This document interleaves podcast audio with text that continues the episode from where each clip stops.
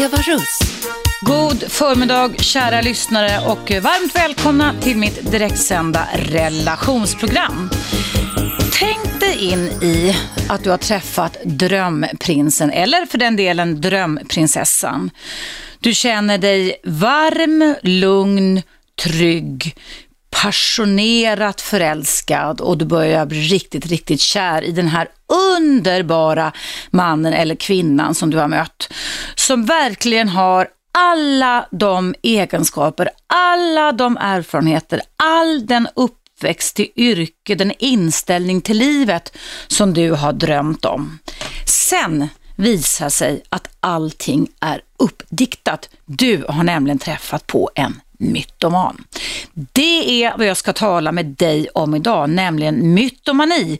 Människor som ljuger och dikter dikterar upp falsarier kring sig själva så att näsan växer och som ytterst sällan eller aldrig skulle jag säga drabbas av någon form av skuld eller skamkänslor. Mytomani är ingen sjukdom. Det är inte heller tillräckligt kartlagt ska jag säga så att det finns en egentlig diagnos, i alla fall inte i min lilla röda bok som finns världen över. Men en mytoman kan bestå av kan, olika typer av störningar och det kan uttrycka sig på olika sätt. Men det gemensamma och röda, eh, röda tråden i mytomani det är den att man dels kan vara ganska karismatisk och trollbindande, förförisk, men att man grundlurar andra människor. Har du erfarenheter av mytomaner? Har du levt med någon sån? Ring in och berätta för mig. Numret är som vanligt 0200 11 12 13 0200 11, 12, 13. Ja, kan du tänka dig in i den här bilden att du träffar din drömprins eller drömprinsessa och sen visar sig att allting som den här personen har matat dig med och som du har godkänt och ak accepterat och verkligen tagit till dig eh, finns det inte en enda sanningshalt i. Det drabbade en person som jag hade möjlighet att behandla, alltså eh, inte mytomanen för de vill inte bli behandlade, men en kvinna som för sådär 25 år sedan eh, drabb, träffade en person som hade mytomani, helt klart.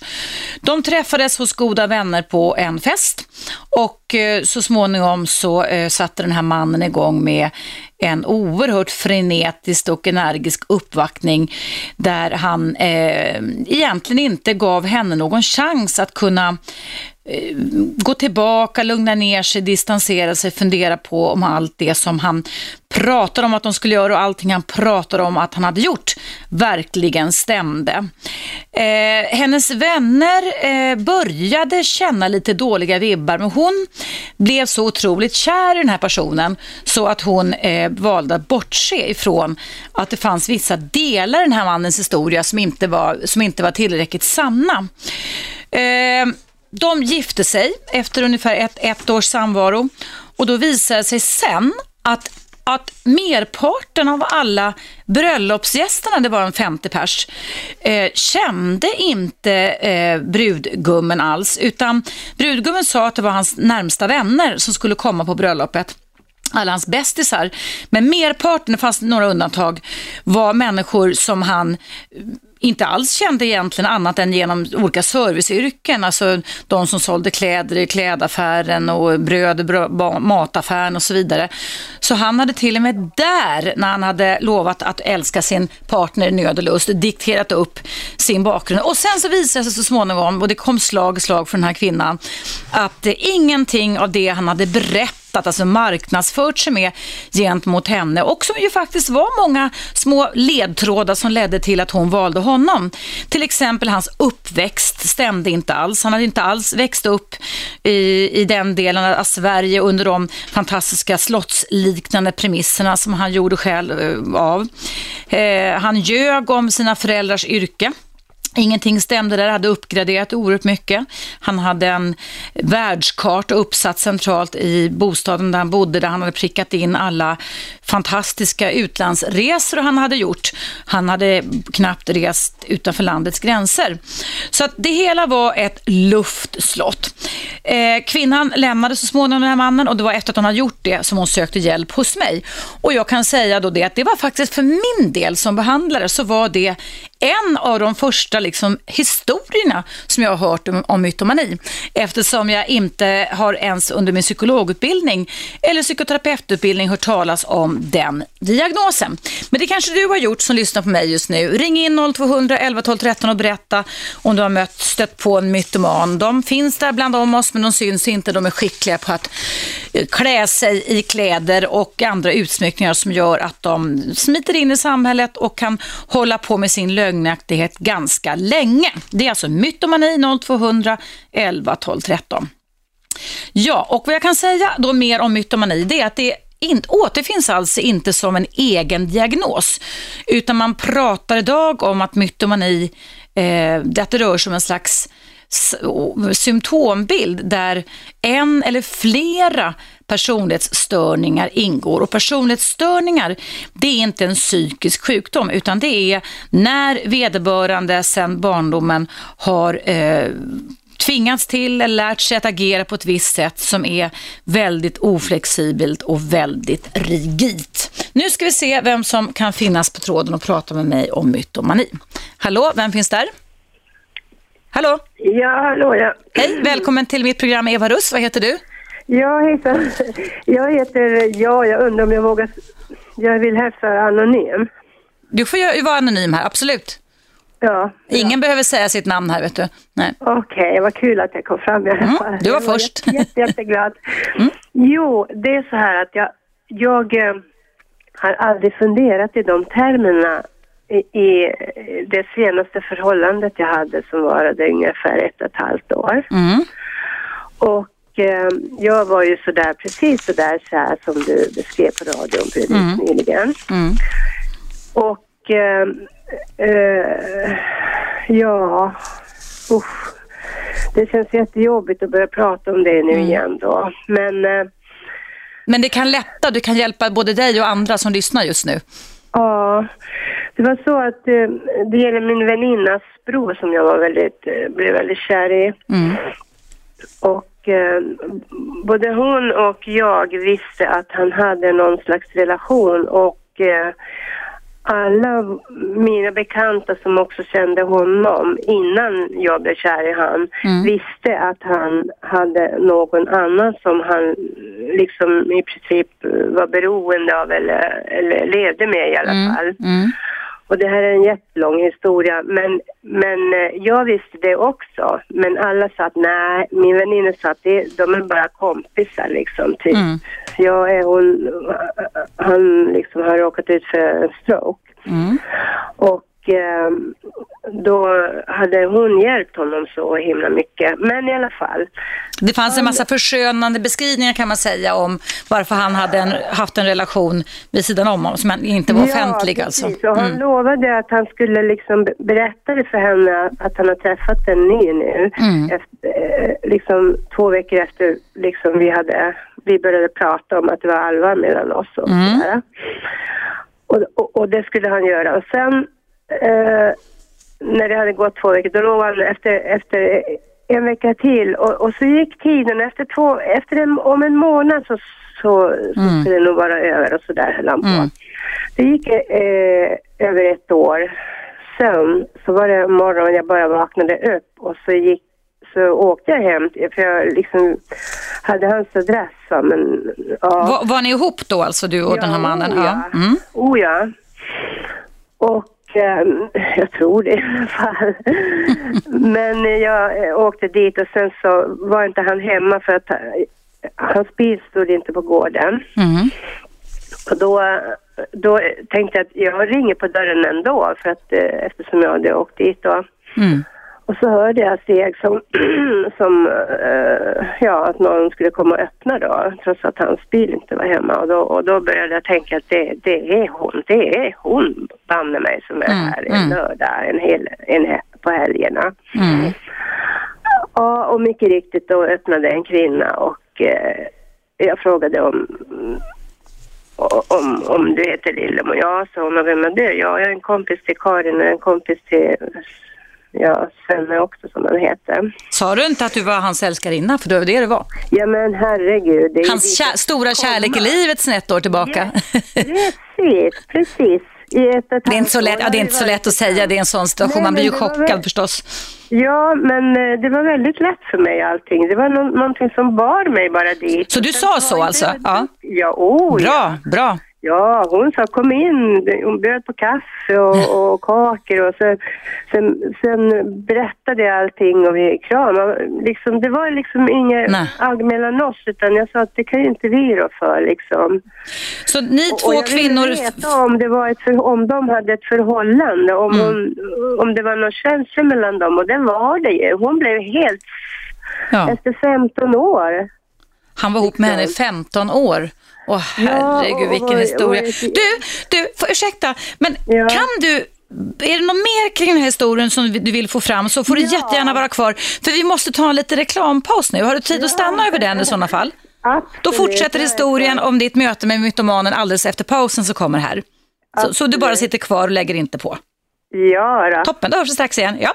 Och ni nytillkomna lyssnare, jag heter Eva Rust i direktsänt relationsprogram som det är varje vardag här mellan 10 och 12 på Radio 1. Frekvensen 101,9.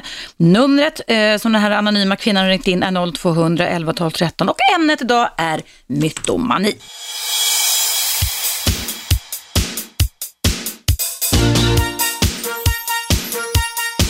Radio 1. Eva Russ. Hej och varmt välkomna tillbaka. Idag pratar jag om mytomani.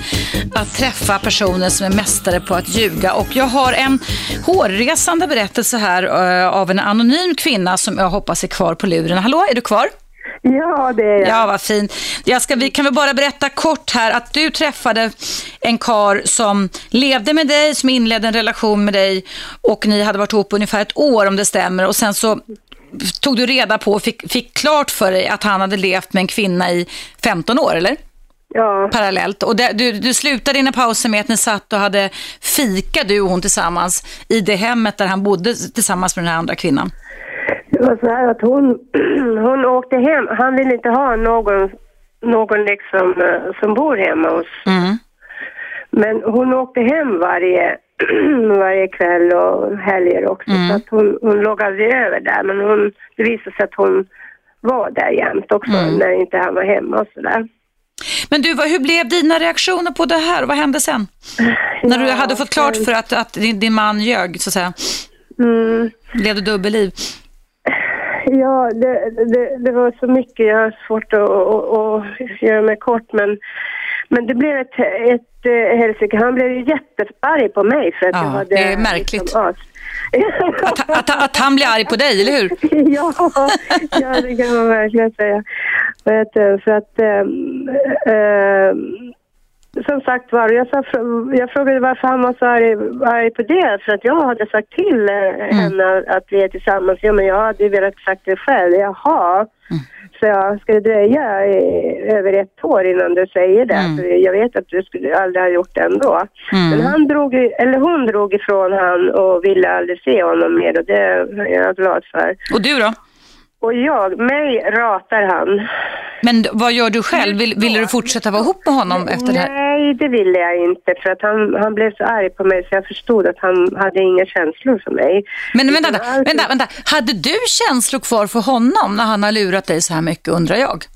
Nej men absolut. Ja, det blir det som är så knasigt, eller hur? Ja, mm. ja det är jätteknasigt och jag liksom eh, förnekade att hon fanns. Ja. Ville, I början ville jag att hon skulle bort i ja. liksom, vårt liv.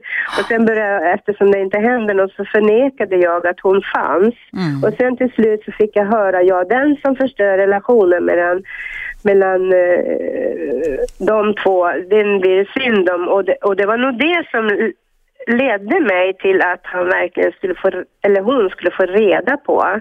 För alla hans vänner, vi umgicks ju liksom och visste att vi var tillsammans. Mm. Men du, får jag fråga en sak? Och Vad... alla visste att han hade den här andra relationen också. Så det var, det var liksom... Men varför har inte vännerna kunnat, det här var ju en väninnas bror om jag uppfattar det Ja, rätt. Varför har ja. inte vännerna kunnat hjälpa dig på traven innan du fördjupade relationen så att du visste? Nej, sanningen var ju liksom serverad framför ögonen på dig på något sätt, eller hur? Precis, Det var någon slags mytomani lite överallt där. Men den här mannen, liksom, när jag berättat för allt vad vi har varit med om till min, min väninna. Mm. Då säger hon, "Nej, men herregud, det säger ju han, han, han, eh, han skaffade direkt ett nytt förhållande Mm. med en kvinna som han kände och som jag förstår att han också åkte till Mm. under min tid och, och hennes Ja, tid. han hade väl ett helt harem, han var polygam eller polyamorös låter det som. Jag vet. det verkar så. Men, men du, får jag fråga en sak? Det här är ju en oerhört sorglig historia. Du, du har liksom kastat bort ett år i ditt liv och ändå skrattar du och verkar så glad. Kan du berätta för mig hur du resonerar kring det här idag? Vad du har lärt dig av den här knasiga relationen med en dub dubbelspelande herre? Ja, jag, ja, det är svårt för mig att säga. Jag har inte funderat så mycket på det, men jag är väl, jag är, är väl en väldigt känslig person och att jag finner så mycket glädje i så mycket annat. Mm. Så att jag orkar med det ändå. Det här liksom... Kan du dra några slutsatser av varningssignalerna du fick i nästa relation du går in i? Jag hoppas verkligen det. Vad ska du se upp med då särskilt, tror du? ja, att, eh, att hålla igen, att jag inte blir kär på en gång. Mm. Och undersöka fakta, va? Eller hur? yes. och att, att om du får minsta lilla konstiga vibbar, då drar man sig tillbaka och utforskar lite mer och säger inte, Yes. jag skiter i det här, jag bortser för jag är så kär, eller hur? Precis, absolut. Det, det gör jag ju. Mm. För att han fortsätter med den här tjejen, för jag har ju blivit eh, liksom halvväninna med henne också, den här nya tjejen. Jaså, oj, oj. Och de är så rädda att jag ska avslöja någonting om hans liv. Det tycker jag du ska göra. Jag tycker du ska avslöja. Det tycker jag ska vara din uppgift när han har fört dig bakom ljuset. Varför ska du skydda honom? Nej men gud vad underbart att höra. Eller hur? Jag mig lite, lite... Ja, men varför ska du skydda honom? Du har kastat bort ett år av ditt liv på, på en karl som har kört dubbelspel. Ja, och visat runt med henne också Mm. så här att, tycker du om att bo, skulle du tänka dig, kunna tänka dig att bo här och liksom fått henne att tro att man, att, att man ska flytta ihop eller att Mm. man ska leva tillsammans resten av livet. Han har lockat liksom med, som morötter framför en häst. Liksom. Ja, mm. Ja. Nej, jag Ja, tycker att du ska avslöja det här. Jag tycker du ska hjälpa andra kvinnor att bli fria, att inte gå in i en relation med, med en sån här människa som ljuger på det här sättet. Ja, det, det, det, och sen man får gissa sig till allting. Men att jag har valt under den tiden jag var med honom att, att tro på honom. Mm. Fast du ändå hade, Ändå- ändå, och det är det som är det viktiga för oss och alla andra som råkar ut för personer som har mytomaniska drag i alla fall, att man Mm. alltså inte, att man tar signalerna på allvar. Det gäller alla typer av relationer där det blir lite vajkall och varningstecken. Men, men just eftersom vi pratar om mytomani idag så är det väldigt, väldigt viktigt att eh, gå till botten med detta. Men sen ska vi ha klart för oss att de kan ha en oerhört bra förmåga att ljuga också. Alltså, Oj, oj, oj. Eller hur? Alltså duperingsförmågan. Jag skra- har aldrig skrattat så mycket som med honom. Mm. Han är så charmig. Mm. Fruktansvärt charmig. Mm, och fantastiska historier att berätta. Ah, och de är, alltså oh, duperingsförmågan och de, de eh, Oj, gillar att stå i centrum lite. Ja. Jag tror inte det är sant, vet vilka Nej, grejer han har varit med om. Så att jag har nog träffat på. Så, Mm, mm. Absolut. De, man brukar säga i min värld till sådana här fantastiska övermänniskor som man möter att de är för bra för att vara sanna. Och det tror jag vi ska ta till oss lite ibland, att vi ska, inte, vi ska bli lite skeptiska om vi män, möter människor som är för bra för att vara sanna. Ja, just som att, att, känslorna tar över och sen blir det, kan det bli vad som helst utav det. Man måste liksom tänka med, med förnuftet. Exakt, ja, ja men precis va, därför att kärleken är ju blind va, det är ju ingen snack om det, men när man då får de här, som den här kvinnan jag behandlade som till och med hade den här mytomanen inhyrda bröllopsgästen på bröllopet. Ja, Herre gästanes. Du, eh, men idag då? Du har ingen ny relation på gång idag? Nej. Jag brukar fråga, jag- jag har blivit eh, nästan kär på en chatt och sen så kände jag så här, åh gud vilken människa, precis sån här vill jag ha. Och, och, och eh, vi pratar med varandra genom dikter. Och det är liksom min värld. Mm. Exakt. Och sen så, så, så skrev jag så här. Har du redan ett förhållande? Ja. och det visade sig att han hade. Så han svarade ärligt där i alla fall. Yes. Mm. Och vad gjorde du då? då? Jo men, nej, men det svalnar ju direkt. Då. Bra. Det är det som jag har lärt mig att Mm. jag måste fråga Ja. om de har ett förhållande. Men du, får jag fråga en sak avslutningsvis. Var den här mannen nu som hade levde dubbelliv Mm. eh, och som du avslöjade, hade han mer saker? Alltså det räcker med det du har berättat, men jag tänker, hade han mer saker där han ljög också? Och duperade omgivningen och dig? Eh, alla blev liksom förvarnade att, att eh, okej det är så här nu men säg ingenting till, eh, till eh, den här andra kvinnan. Jo, ja, men, ja, just, det vet jag, men jag tänker, kunde han ljuga om pengar? Om, jag tänker som den här klienten jag hade, pengar och resor. och, Ja, det var lite, alltså, kom- det var mm. lite överdrivet tycker jag om det han hade. Han, i, I början så hade han ju fått så mycket pengar och, och, Mm. och han hade varit med om de mest konstiga saker och eh, jag har liksom glömt det han har berättat. Men han har berättat väldigt mycket om vad han har varit med om. Men samtidigt är det väldigt svårt för mig att veta vad som är sant och vad som Mm. inte är sant eftersom han hade varit med om en eh, fruktansvärt stor trafik, eh, vad ska man säga, nästan, ja en olycka då. Mm. Men han hade klarat sig helskinnad. Mm. Och, och, och han hade liksom fastnat i en stor eh, långtradare och, och bilen hade snurrat lite hur som helst. Stämde det då med verkligheten? Hade den Alltså, olyckan jag hänt? vet inte. Nej. Ja, det är väl ingen idé att grotta i det, men det, det viktiga är Eller hur? Nej, det viktiga är att du lär dig att distansera dig, ifrågasätta och inte blunda när du får uppgifter om en person som ljuger rakt upp i ansiktet, för de är skuld och skamfria.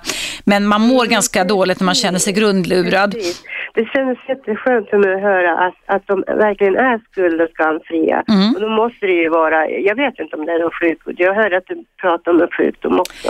Nej, man, man, man kallar det inte sjukdom, man kallar inte, att man, inte att man är psykiskt sjuk, för Nej. det kan man liksom behandla både med terapi och med Ja. läkemedel. Eh, Man pratar snarare om störning, personlighetsstörning, alltså att personligheten har räfflats och ristats på ett speciellt sätt så att de måste använda sig att för, förhöja sig själva, Ja, ljuga, för ja, att känna att de, precis. de är, är värda något, att de är, är någonting att ha. Så i botten Precis. så tickar väl inuti mytomanens kropp och hjärta och själ, skulle jag säga, så tickar det givetvis en form av dålig självkänsla. Mm. Att man tror att man inte är så värdefull och då måste man ljuga så, så näsan växer för att man ska kunna få en chans att eh, få hämta hem det som man har fått för sig att man inte kommer få om man inte ljuger. Så det är en, det är en ganska intressant abrovinkel. Du, tack så jättemycket för att du ville berätta om din relationshistoria. Lycka till i framtiden och var väl, väl, mer kritisk nästa gång. Ja, tack så mycket. Hej då, hej, hej. Hörrni, det är dags för en nyhetsuppdatering. Jag heter Eva Russ. Frekvensen 101,9 och radiostationen är Radio 1. Och numret in till mig om du vill ringa in i pausen och prata med mig om mytomani, för, som är dagens ämne, är 0200 11 12 13.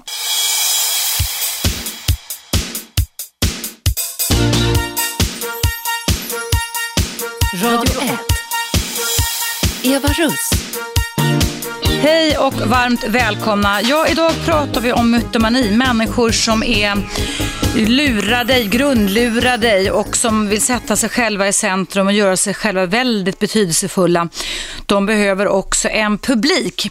Mytomani är ingen psykisk sjukdom, det är en störning och de mytomaner har en enorm, en helt otrolig duperingsförmåga eh, som gör att eh, nästan vem som helst kan gå på dem faktiskt. Eh, de är alltså inte sjuka men de är inte heller friska utan man ska kunna säga att de är störda snarare. Det finns alltså inte som en egen diagnos heller. Har du träffat på någon mytoman i ditt liv? Ring in och berätta. Numret är 0200 11 12 13 och det verkar vara det. Det är många som ringer här nu. Nu ska vi se vem som finns på tråden. Hallå? Är det Eva? Ja, det är Eva. Hej. Tina igen. Hej Tina, hej. Jo, det är så här att jag har en manlig vän Mm. som jag har känt i tio år och jag undrar om det här som han gör beror på hans alkoholberoende. Men jag läste för några veckor sedan att det fanns någonting som börjar på K om man har fått en skada, något tillstånd. Att man hittar på, lägger till saker som inte är sanna. Jag vet inte, men det vet ju Någonting på K, vet, kan du ge mig någon ledtråd? Jag vet inte alls vad du menar just nu. Det, det stod i en tidning om en äldre man som la till saker som inte var sanna. Han ljög inte, han trodde på det själv. Men den här mannen nu som jag har känt så länge, han och jag brukar gå ut tillsammans ibland. Och jag är så arg för att jag vet ju vad jag har gjort.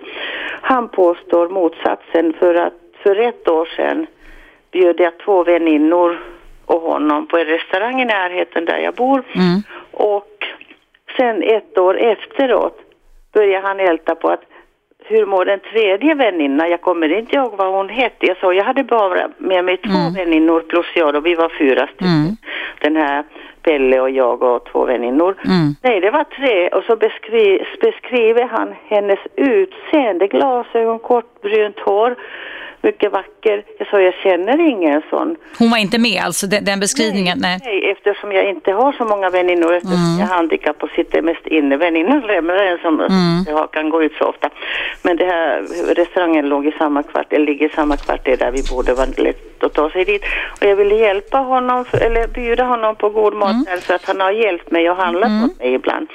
Och påstår fortfarande, blir nästan arg när jag säger att jag har inte haft med mig tre väninnor, det var bara två stycken. Men, men tänker du då Tina att det här skulle vara ett, ett symptom på mytomani? Nej men han ljuger inte, han tror på det själv. Ja, det, nej, jag tror att det, alltså, ja, mytomaner tror väl i och för sig på det de säger också, men jag tänker att det här låter ju mer som en liten hallucination, alltså han har fått någon slags uppenbarelse om som inte fanns. Han dricker varje dag. Ja, det, det kan säkert hänga ihop med det då. Det kan jag däremot inte så mycket om tyvärr. Han, han förstår, Mm. när han handlar åt mig så handlar han fel och det sätter här. Ja. Jag bes, jo, du sa det, men jag skrev inte upp det. Men du, du, jag har inte bes, jo, det har du beställt. Till exempel, jag som inte dricker så mycket, en hel liter vodka han har köpt. Jag har inte beställt någon vodka, inte två Nej, nej. Jag Nej, men det där låter väl som en alkoholrelaterad minnesförlust eller vad det nu kan kallas. Jag är inte expert på alkohol kan jag säga Tina, men Kan man lägga till sådana saker som inte är sanna? Ja, det kan man nog göra om man, om, om man dricker för mycket kan jag mycket väl föreställa mig. Men jag känner honom inte, jag vet inte vem han är. Men det, det låter inte som mytomani som vi pratar om idag. Men det var fint att du ändå ringde in och berättade om det Tina. Tack ska du ha. Det är jobbigt, jag blir så arg för att jag Ja. vet vad jag gör. Ja. Men- Men det kan vara nå- något knepigt inom honom. Men det, det låter inte som att han är mytoman. Det vill jag säga. Jag är rädd för honom för att, jag vet inte, jag, kan inte berätta allting, men han verkar ha mycket svåra problem med alkoholen. Han Mm. får hallucinationer ibland, han ser saker som inte stämmer när jag är Ja. hemma hos honom. Men okej, nu ska jag inte prata längre. Du Det är ingen fara. Nej. Tack för att du ringde in och tack för att du lyssnar. Jag är så tacksam för ditt trevliga program, att den finns. Vad gulligt att höra. Tack snälla Tina, vi hörs säkert igen. Ja, Tack hej då. mycket, hej. Hej, hej, hej. Ja, hörni, eh, mytomaner är mästare på att ljuga. Och jag skulle vilja säga att de allra flesta av oss, säkert du som lyssnar nu, har någon gång i livet mött en mytoman. Och jag är ganska säker också på att det första intrycket oftast har varit ganska positivt. Man kan, om inte annat, bli ganska imponerad över alla fantastiska världsomseglande historier och eh, Eh, upplevelser som de här personen kan berätta. Det är som att man kan sitta med öppna sinnen och lyssna och, och, och lyssna och känna att det här var något helt fantastiskt. Det finns nästan lite underhållsvärde i att möta en mytoman. Jag berättade inledningsvis idag för er att jag har mött en kvinna som gifte sig med en mytoman och det visade sig då att allting han hade berättat om innan bröllopet, de gifte sig efter bara ett års, knappt ett, ett års eh, vänskap, eh, fanns det ingen sanning i. Det fanns ingen sanning i någonting. Och eh, de, alla hans vänner på, det, på bröllopet var inhyrda statister. Det är liksom något så förskräckligt. Hon tog sig ur detta och hon fick hjälp. Och framförallt så fick den här kvinnan hjälp att inte skuldbelägga sig själv. För det är en knepig diagnos. Jag som är expert kan råka ut för människor som jag ibland kan inte fatta liksom hur knasigt det står till upp i huvudet på dem. Och en mytoman är alltså inte sjuk heller. Och det är alltså svårt eh, att även för oss då kunna avgöra om mytoman är mytoman eller inte eftersom de är så bra på att dupera oss. De kan ha många friska sidor, har många friska sidor. De kan jobba eh, på sina jobb och de kan överdriva. Och det, det här med mytomani och att ljuga och förhäva sig själv, det är ju någonting som även småbarn gör från man är liten. Det ingår ju då att tre, fyra, femåringar, eller fyra, femåringar i alla fall, även tonåringar för den delen, att man liksom använder sig av det som ett verktyg för att framstå i lite bättre dagar. Och om jag nu ska använda min eh, forskarkunskap också och tala om hur det inom världshistorien har sett ut när vi pratar om att ljuga så i djurvärlden, alltså däggdjursvärlden, så är det faktiskt så att hanarna som tävlar mot varandra, där bluffas man och luras. Och man tror att, att, att hanarna i djurvärlden gör så för att kunna vinna territorium, mark, boende eller mat. Men, säger man, djurhanarnas beteenden när de bluffas och luras skulle inte vara värt något om de inte utförde det med honorna närvarande. Hanarna skulle inte vinna något på att enbart imponera på andra hanar. För allt ska ju leda till att honan väljer just den hon ska para sig med. Och det kanske är det hos, hos en del mytomaner med, att eh, man är tvungen att tillskriva sig själv, uppgradera sig själv, bli mästare på att ljuga utan skuldkänslor för att man tror att man innerst inne är så värdelös. För där innanför kan det ticka en dålig självkänsla. Nu ska vi se vem som kan finnas på tråden. Hallå, vem är där? Hej, Micke heter jag. Hej, Micke! Yes. Yes, välkommen. Hörru du, har du stött på någon mytoman i livet? Ja, jag jo, det har jag väl indirekt. Men jag har en liten fråga till dig. Mm? Psykopater har ju vissa gemensamma drag med Jajamensan, De, ja. sig, de har inga som helst skuldkänslor, de tar inget som helst ansvar för någonting. Utan allting alltid andras fel. Ja. Har de fler... eh, Alltså, psykopater är ju även kända för att kunna ha ihjäl folk. Ja, ja, absolut, absolut. Ja. Det är inte mytomaner direkt. va? Nej.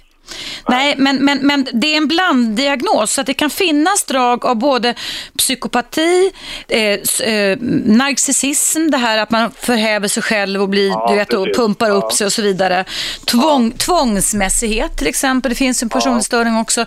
Så att det är en blanddiagnos som, det kommer ut nu i maj i år, så kommer, jag brukar säga i mitt program att jag har en lilla röda som är en sån här Ja, det. Ja. diagnostisk. Det kommer en nummer fem, DSM-4 heter den nu, DSM-5 kommer ut i världen va, över i, och jag tror att mytomani kommer att finnas med som diagnos, men det finns inte nu i alla fall. Eh, Det där går väl i arv antar jag? Det är genetiskt betingat Nej, och, det, eh, nej, nej. Jag är helt säker på det. Jag har nämligen exempel på en Ja, en berätta. snubbe som är... Ja, ni känner han, han har ju knarkat länge och är det också, men han... Fruktansvärt manipulativ, kan vara så jävla charmig och så jävla trevlig. Sen hittar han på att fabricera saker och ting. Mm. Går någonting dåligt så, ja det är klart det är alltid någon annans fel. Mm, Och, och så vidare. Sen har han en son, den här snubben, Mm. som är precis likadan. mm. Men Han är vi, lite mera, han är lite mera, ja... Han är mer psykopat än mytoman tror jag. ja. Han är också sådär, framställer sig själv som riktig. Mm. Micke, man kan säga så här, när det, när det gäller psykopatdiagnoser så är, så är det så att förr, alltså om vi tänker 50 år tillbaka i tiden, när psykologin var ändå ganska ung, om man säger så, så trodde man ju då att man föddes ond, liksom att man föddes med det här. Ja. Eh, idag så är man mer inriktad mot att det är en tidig kontakt och känslomässig störning. Men Ja, det finns också Ja. fog för att man kan bli psykopat om man till exempel har fått slag mot skallen eller tappats i golvet Ja, ja. som nyfödd och så vidare. Vad förstår du? Ja. Men det handlar oftast om, så jag tänker att visst kan det vara en kombination av våldsam miljö att växa upp Mm, i, och, men också att man tar ärver beteenden, att vi har det sociala beteendearvet där vi tar efter. Mm. Nej, han har fått mycket stryk som liten. Ja, du ser, det är bara det. det det, där, det hade jag förtjänat att det inte var genetiskt. Men samtidigt så ibland, vissa, vissa sådana psykologiska defekter går ju faktiskt i arv. mm, jo, men det, absolut, det är ju precis som om man har ont i ryggen så kan det vara ett släktdrag. Det har jag mi- mindre angenäma lyckan att få i våran släkt. Men det där går inte, alltså mytomaner, alltså det, problemet i det här fallet är att han snackar, han har snackat så mycket skit så att folk har ju köpt hans jävla skit. Och problemet är att folk som, alltså det som du sa, de måste ha en publik. Han har en jättestor publik eftersom han är, han är övertygad folk om att det är på ett visst sätt. Och ingen som har brytt sig om att och, och liksom validera motsatsen, ta reda på hur det egentligen har varit. va. Nej, folk nej. är konstiga också. Att de liksom de kan känna, alltså jag pratar, pratar om en, ja jag vill egentligen skulle jag vara anonym men skitsamma. Men Mm. Problemet är att det som har kommit fram, eh, det är svårt att förklara men alltså folk är ju konstiga. De kan känna någon i 20 år, eller känna ett par i 20 år. Mm. Så säger den ena parten att så här är det. Ja, och då släpper alla Ja, att någon måste gå parten. först liksom. Du Ja, Micke, Micke kan, du, kan du stanna kvar för vi måste ta en liten reklampaus här och fortsätta berätta eller vill, ska vi avrunda samtalet nu? Nej, Eller? vi kan, vi kan avrunda. Ja. Jag ville bara ha någon Ja, kanon. Ta tack för att du Ja. lyssnade och tack för att du ringde in Micke. Ha en bra dag. Hej då, hej. Hörrni, vi måste ta en liten reklampaus och under den och efter den så kommer jag fortsätta ända fram till klockan 12 och prata om mytomani. Numret är 0200 11 12 13.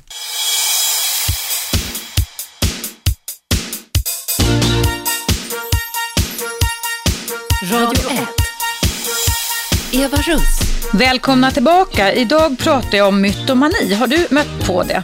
Har du stött på det? Har du levt med någon? Har varit kär i någon som det sen har visat sig har ljugit utan skuld och skamkänslor?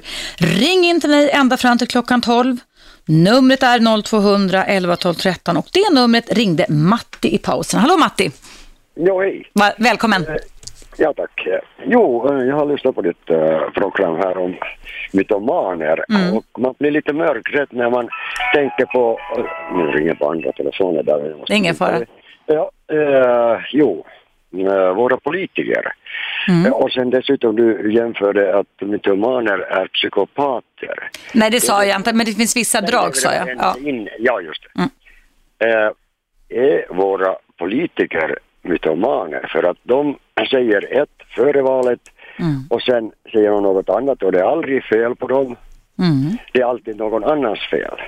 Just Någon det. annan Mm. politikers eller. Mm. Eh, finns det någon eh, paralleller där?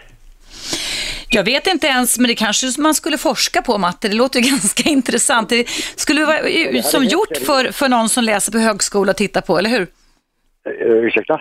Det skulle väl vara som gjort för någon som läser på högskola att göra en forskningsrapport på detta Ja, man, ja, och jäm- jämföra vad man säger före och efter valet. Ja. Ja, och eh, eh, de alltså eh, intygar sig själva att vad de säger, Mm. att, eh, att eh, det ska vara en sanning, men de vet att det är inte sant. Mm. Och sen finns det inga skuldkänslor heller, nej. Nej, för, förmodligen inte, Mm. för att annars skulle det Uh, någonting skulle stämma efter valet också. Mm. Och vi, vi går ju mot den tiden att det är dags för att välja Just det. bland mytomaner. Mm. Ja. Ha? Jag kan inte gå vidare mer. Nej, men det var en intressant abrovinkel, Matti. Är, är det så att våra politiker har mytomana drag?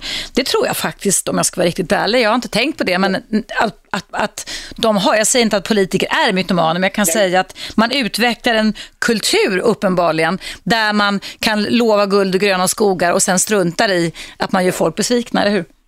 Ja, absolut. absolut. Och det följer ju också mytomanens behov att vara i centrum, att man måste ha en publik som man ska liksom visa upp sig för också, eller hur? Ja, bättre än vad man är. Ja, jag menar det. Eller hur? Ja, jätteintressant, Matti. Tack så mycket för att du ringde in. Hej då, hej, hej. Ska ta in ett samtal till här. Vem finns på tråden? Nej, då försvann du. Nu ska vi se. Hallå, vem finns där? Hallå? Hallå ja! Hej, hej, välkommen till Eva Russ. Ja, tjena Eva. Stickan heter jag. Ringer från uh, bilen. Hörs Ja, tjena Stickan, kör, kör försiktigt. Ja, ja, du hörs ut i radion nu. Ja. Håll till höger. Mm, håll till höger. Du, myterna. Det är märkligt eh, att, det, att jag, man, vi pratar om myter och jag skulle vilja fråga dig en sak. Mm, mytomani pratar jag om. Ja, Okej, mytomani. Mm. Är det, måste inte alla människor, är det inte naturligt att man sätter sig själv i ett ganska bra ljus när man berättar om sig själv? Måste man inte göra det? Absolut. Jag tänker på så här, jag kommer uppifrån Älvdalen nu. Ja. Och eh, jag har varit bland folk där uppe som, eh, ju längre upp man kommer desto värre myter får man höra. Ja. De myterna som jag hör där uppe, som är otroliga historier, Mm. Är, kan man kalla det för, är, är man mytoman när man, när man berättar sånt? Nej, det tror jag. Men är, kan du ge något exempel på någon Älv- Älvdalsmyt? alltså, när jag, alltså när jag kommer upp, varje gång jag kommer upp från Stockholm dit upp, för jag har släkt där uppe, Mm. då får jag höra värre och värre historier om djur. Okej. Att eh, det är alltid Lo och vargar och allt Ja. möjligt. Ja. ja. Hela tiden går det vargar över gården. Mm. Skrönor. När jag är uppe då så tror jag knäppar på dörren och det är mycket som hörs på natten där uppe. Och då tänker jag att hela våran Alltså lite tillbaka historia Mm. som, som ber- berättas med trolltrummor och sånt där. Mm. Alltså det finns ju någon väldigt mycket fantasi i vår historia. Folk berättar ju historier för varandra Oh ja. som är värre än den andra. Ja. Men Det- är inte det naturligt då att man liksom drar på lite grann? Jo, det är helt naturligt och det, det, det har ju också med vår utveckling att göra, att vi hoppar högre, blir längre, liksom Ja, tar oss framåt, skapar möjligheter. Men mytomani däremot, det är ju ett personlighetsdrag, en störning, där personen i fråga någonstans eh, måste förhäva sig själv så extremt mycket och uppdikta historier för att han ska bli något i, i, i sina egna och andras ögon och där man också medvetet alltså lurar folk. Eh, Jo men alltså grejen är det... det är klart du kan lura om du säger att du har haft tio lon på tomten i Älvdalen också. Det kan du göra i och för sig. Men jag, jag tror inte man blir skadad av det. Om någon går in i en parrelation så kan du ju bli skadad. Som jag berättade, du kanske inte hörde från ja. början, en kvinna som träffade en karl som ingenting stämde som hon gifte sig med. Ja men, det, då är det, men alltså det finns ju i olika lägen så gör man bra historia. Hela idrotten handlar ju om att lura varandra Mm. Ja. när det handlar om spel. Mm. Och då skulle ju alla människor då vara på något sätt lite grann så här äh, dubbelsidiga och ha mytomaniska sidor. Ja, fast jag skulle inte kalla det mytomaniska sidor. Alltså, det, det, det skulle jag nog inte göra. Nej men då, då, frågar, då har jag en fråga till dig. Människor som berättar otroliga historier i böcker. Ja. Som får fantisera science fiction. Mm. Alltså är det, alltså... Nej, det är ju Är go, god fantasi. Det är väl, nej, men det är ju fantasi och kreativitet, kreativitet och en god föreställningsförmåga och att man vågar öp, gå, gå utanför boxen så att säga och tänka nya banor. Ja men är inte det liksom någon egenskap vi har som människor att hitta på grejer då? Alltså det, det, vi har ju det, när vi, alltså att fantisera och föreställa oss och att ljuga och hålla på. Det kan vi alla människor göra och det gör vi ju i vår utveckling normalt sett i olika stadier, va? beroende på hur gamla vi är. Men det jag pratar om nu det är en störning. Alltså när det blir ett rigidt och oflexibelt personlighetsdrag där man andra far väldigt illa av att man, att man är mytoman helt enkelt. Man skulle kunna säga så här då, att de här människorna som jag lyssnar på där uppe, det är inte bara historier om djur. Nej. Det är ju om ditten och datten och jag hör ju i Stockholm också historier. Mm. Och sen får man ju sila snacket. Ja, ja. Mm. Och det är ju så, man får ju sila snacket. Men jag har en känsla av att alla människor har, vill gärna dra på lite grann Mm. historier. Och jag tycker bara det är kul. Mm. Att människor, alltså, sen får man, det, det, man, lägger, man plussar väl lite här och där. Mm, mm. Men du, jag tänkte på en sak när dig på tråden. Eh, är det inte så att prins Philips flickvän kommer från Är- Älvdalen? Eh, Känner du till dem där uppe? Har du, någon, har du någonting Nej, att alltså, berätta? Ja, alltså, det, det är inte så stort område där uppe kan jag säga. Va? Nej. Men alltså så noga inläst Ja, ja, inte på, alltså. på människor där uppe va. Men jag klickar snacket, alltså jag förstår lite vad de säger. Det, Först, förstår du det här då? Snoine White. Det är älvdalsmål. Ja, jag kommer nämligen från Dalarna så jag har släkt i Älvdalen också. Ja, och Snoine White är ganska häftigt tycker jag. Ja, alltså det är mycket som är häftigt. Ja. Jag, ska inte, jag har bott i Sörsjön en natt då. Men du, Ja. och det är lite roligt, man kan, men jag, ska säga, jag vill bara säga så här. Att jag är inte rädd för, jag, jag, råkar man ut i en äktenskapsläge om om man råkar ut liksom med sådana människor som man förlorar både... Alltså man lurar andra människor så Mm. mycket så att de tappar feelingen, då är det en grej. Men så jag tycker också att det finns en god sida av bra berättelser. Och för min del får de gärna dra på lite grann. Mm. Okej. Det gör till mig någonting. Och då, då tänker jag så här, alla författare som vi har då, Ja. Selma Lagerlöf till alla, de måste leva med en otrolig fantasi då. Är, dessa människor också då på något sätt vill, alltså, i- skapar de dessa berättelser för att hävda sig? Eller varför, varför hittar de på för? Kan man fråga sig det? Mm. Kan man det? Ja, man får fråga sig det, men jag måste fråga min hjärna det också först. Jag måste få Ja, återkomma. men jag frågar dig. du Micke, kör försiktigt. Är du på väg ner till Stockholm nu? Alltså, från... Jag kan sila snack än så länge. va? Ja. Så det är inga problem. Det var kul att prata med dig. Ja, ha... Hej då! Ta det lugnt. Hej, hej, hej. Hörrni, jag pratar med dig idag om mytomani. När människor lju- ljug, ljuger så det ryker och eh, kan gå över lik för att eh, krydda sina liv med och krydda sig själva framförallt och andra med att eh, fabulera och eh, ljuga om en det ena och det andra. Har du råkat ut för en mytoman, ring in till mig 0200 11 12 13 eller tror du att du har råkat ut för en mytoman så kan du också ringa in. Efter pausen som kommer nu ska jag läsa upp ett brev eller mejl som kom in precis nu ifrån en anonym kvinna som har råkat ut för en fullfjädrad mytoman i unga år och som hon skriver också tyvärr under många år. Hon beskriver här vilka fasansfulla erfarenheter hon har kring det. Så om du är intresserad av att höra hennes livsberättelse med att få stöta på en mytoman, då kan du gott och väl hänga kvar i pausen som kommer här. Du lyssnar på Radio 1 och jag heter Eva Russ.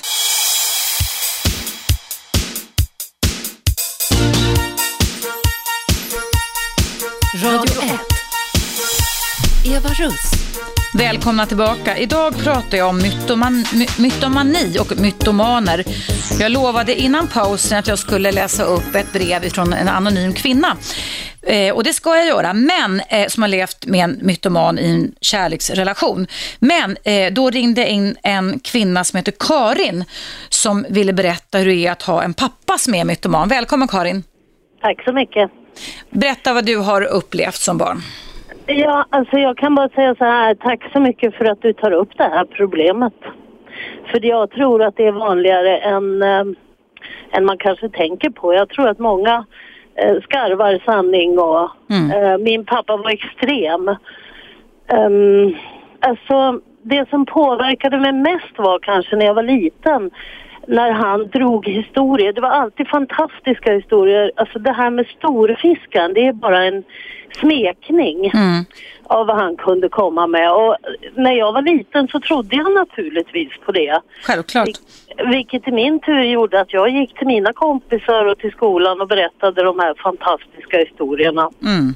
Vad kunde de handla om till exempel? Bara något lite kort. Ja, alltså det är så svårt att beskriva. Mm. Det alltså pappa ville verkligen, han ville vara, han ville vara någon. Mm. Och ett sätt att vara någon var att skapa de här fantastiska historierna ja. som han hade varit med om. Och han kunde snappa upp alltså hur grannen berättar om hur han nästan kör på en älg. Ja. Och då blev det till pappas. Så det var pappa som nästan körde på älgen istället? Ja, jag ja. förstår. Alltså norpa saker för att kunna förhäva sig själv. För att han antagligen. Karin, hade en i grunden dålig självkänsla. Otroligt. Och alltså pappa var, jag, jag gillar ju min pappa ändå naturligtvis. Mm. Uh, för att han hade goda sidor men det fanns andra sidor som utvecklades och det var när jag kom i tonåren och började faktiskt förstå att jag hade en sjuk pappa. Hur förstod du det? Ja, dels så var det på grund av de här otroliga historierna men det var också det att vi fick lämna hus och hem, hela familjen. Oj. Uh, vi fick, uh, vi var alltså vräkta och den märkligaste historien är där att jag kommer till skolan och uh, en klasskamrat kommer till mig och säger att Jaha, ska ni sälja huset? Nej, säger jag, ska vi inte. Jo, alltså min syster och hennes man har varit och tittat på det. Oj, oj. Och de har varit inne i ditt rum och så. Jag visste inte att ni skulle flytta, säger hon till mig. Nej, säger jag. Och kommer hem och då är pappa hemma och då frågar jag pappa vad är det som händer? Ska vi flytta? Mm. Och då säger han, ja, um, uh, men uh, ja, vi, vi har haft köpare här men säg ingenting till mamma för det kanske löser sig. Mm. Och samma eftermiddag då så kommer naturligtvis mamma hem och då visar det sig att den här klasskompisens systers man jobbar på samma jobb som min mamma. Och han går till mamma och säger att vilket fantastiskt hus och vi är jättepå att köpa huset. Oj, oj, oj. Och det gick alltså en vecka så var vi tvungna att vara ur huset. Vad chockartat för er, för allihopa. Ja, det, var, det var fruktansvärt. Jag, jag var tonåring och men han höll den här lögnen inom sig. Alltså han ville, han ville jag vet inte vad han ville egentligen, jag kan inte förklara det. rädda sitt ansikte och rädda ja. relationen till er skulle jag tro att det handlade ja. om. Och sånt här var det konstant mm. under hela min barndom. Mm. Alltså jag vet att jag fick julklappar som han sen kom och hämtade. För att han hade inte betalt dem, han hade bara lånat dem. Ja, du, det här är klassisk mytomani, det är ja. helt klart så Karin. Har du läst mycket av detta, så liksom skapade kunskaper om detta eller? När du blivit äldre? Ja, jag har det, men det som har utvecklats mest hos mig som är en av mina stora jag ska säga, gåvor efter det här, det är faktiskt att pappa kunde bli galet förbannad också när man kom på honom. Mm. Han blev avslöjad liksom. Ja, när han blev avslöjad då, då blev han farlig. Så att, Mm. alltså jag kan säga att eh, hela vår familj... Nu hörs du lite svajigt, Karin. Ja. Nej, det känns, det hörs lite svajigt. Har du gjort någon förändring i din kroppsposition eller någonting sånt där? Får sitta som en stenstod här vet du när du pratar. Ja, okej. det, ja, det hörs jättekonstigt just nu. Nej, men- Ja. Hörde inte alls. Nej. Jag hör inte dig. Du Karin, ring en gång till i sådana fall. Eh, det kan bli sådär ibland med tekniken. Jag kan berätta för er lyssnare då att jag alltså har satt, pratat med Karin som växte upp med en far som uppenbarligen var mytoman och som mm, givetvis var, var värre än storfiskan som hon sa och som eh, någonstans kämpade med sin dåliga självkänsla och eh, så. Jag skulle gärna vilja höra lite mer om Karin kan ringa upp igen 0200 11 12 13 och berätta vad det fick för konsekvenser för dig som barn att eh, leva med en person eller att ens förälder då är mytoman. Vi ska se om Karin kanske har ringt tillbaka. Hallå Karin? Hej, hej, hej. Åh, vad bra, vad fint. Det hände något knasigt. Vad bra att du kom tillbaka. Du, jo, jag tänkte bara fråga, vad fick det för konsekvenser för dig att växa upp och, och med en pappa som var mytoman? Ja, men eftersom vi, hela familjen ofta åkte på stryk faktiskt. Eh, Alltså på grund av att vi kom på honom. För att det var ju inte vi som hade gjort fel, men det var ju naturligtvis oerhört känsligt. ehm, Hur slog, han, hur slog han er? Ja, det var ju både jag och min syster och mamma. Vi åkte ju på stryk. Alltså det, det var ju ordentligt, kan jag säga. Oj, oj, oj. Mm. Men alltså det som är gåvan av det här Gåvan säger du? Ja. Ja, för att faktiskt så finns det något väldigt positivt i det också. Det låter hemskt när jag säger det, men jag har lärt mig otro, otroligt mycket. Alltså jag ser väldigt fort Mm. på en annan människa. Eh, om det finns ett drag av mytomani. Alltså det kan vara det minsta lilla så ser jag det. Och det handlar om, det handlar om en, em, det är väl en försvarsmekanism antar jag att jag, jag var så på min vakt som barn Mm. för att pappa skulle explodera. Mm. Så att eh, jag lärde mig alltså allt ifrån kroppsspråk, eh, blickar. Mm. ehm, jag ser det på en gång. Så du har inte själv råkat ut för någon mytoman i ditt relationsliv? Nej, det har, det har jag faktiskt inte. Bra. Jag, har, jag undviker dem konstant. Tycker du, att du, tycker du med de ögon du har, i och med att du egentligen blivit mytomanexpert kan man säga, på grund av att din pappa var det, eh, kan upptäcka fler mytomaner än vad andra kan göra som inte mött mytomaner? Absolut. Mm. Och jag, jag, det, alltså det gick så långt, jag bodde i Norrland ett tag och det gick så långt så att när, nu, nu är pappa död. Så Mm. jag känner att jag, jag har liksom ingen... Jag behöver inte hålla honom om ryggen. Men, men du, kom han till någon självinsikt ju äldre han blev? Aldrig. Inget? Jo, faktiskt när han dog Mm. så satt jag vid honom och Mm. eh, då sa pappa någonting, jag kommer inte ihåg ordagrant, men han sa någonting om att ehm, ja, du hade det inte så lätt Mm. som barn. Eh, och jag önskar att saker och ting hade varit annorlunda. Mm.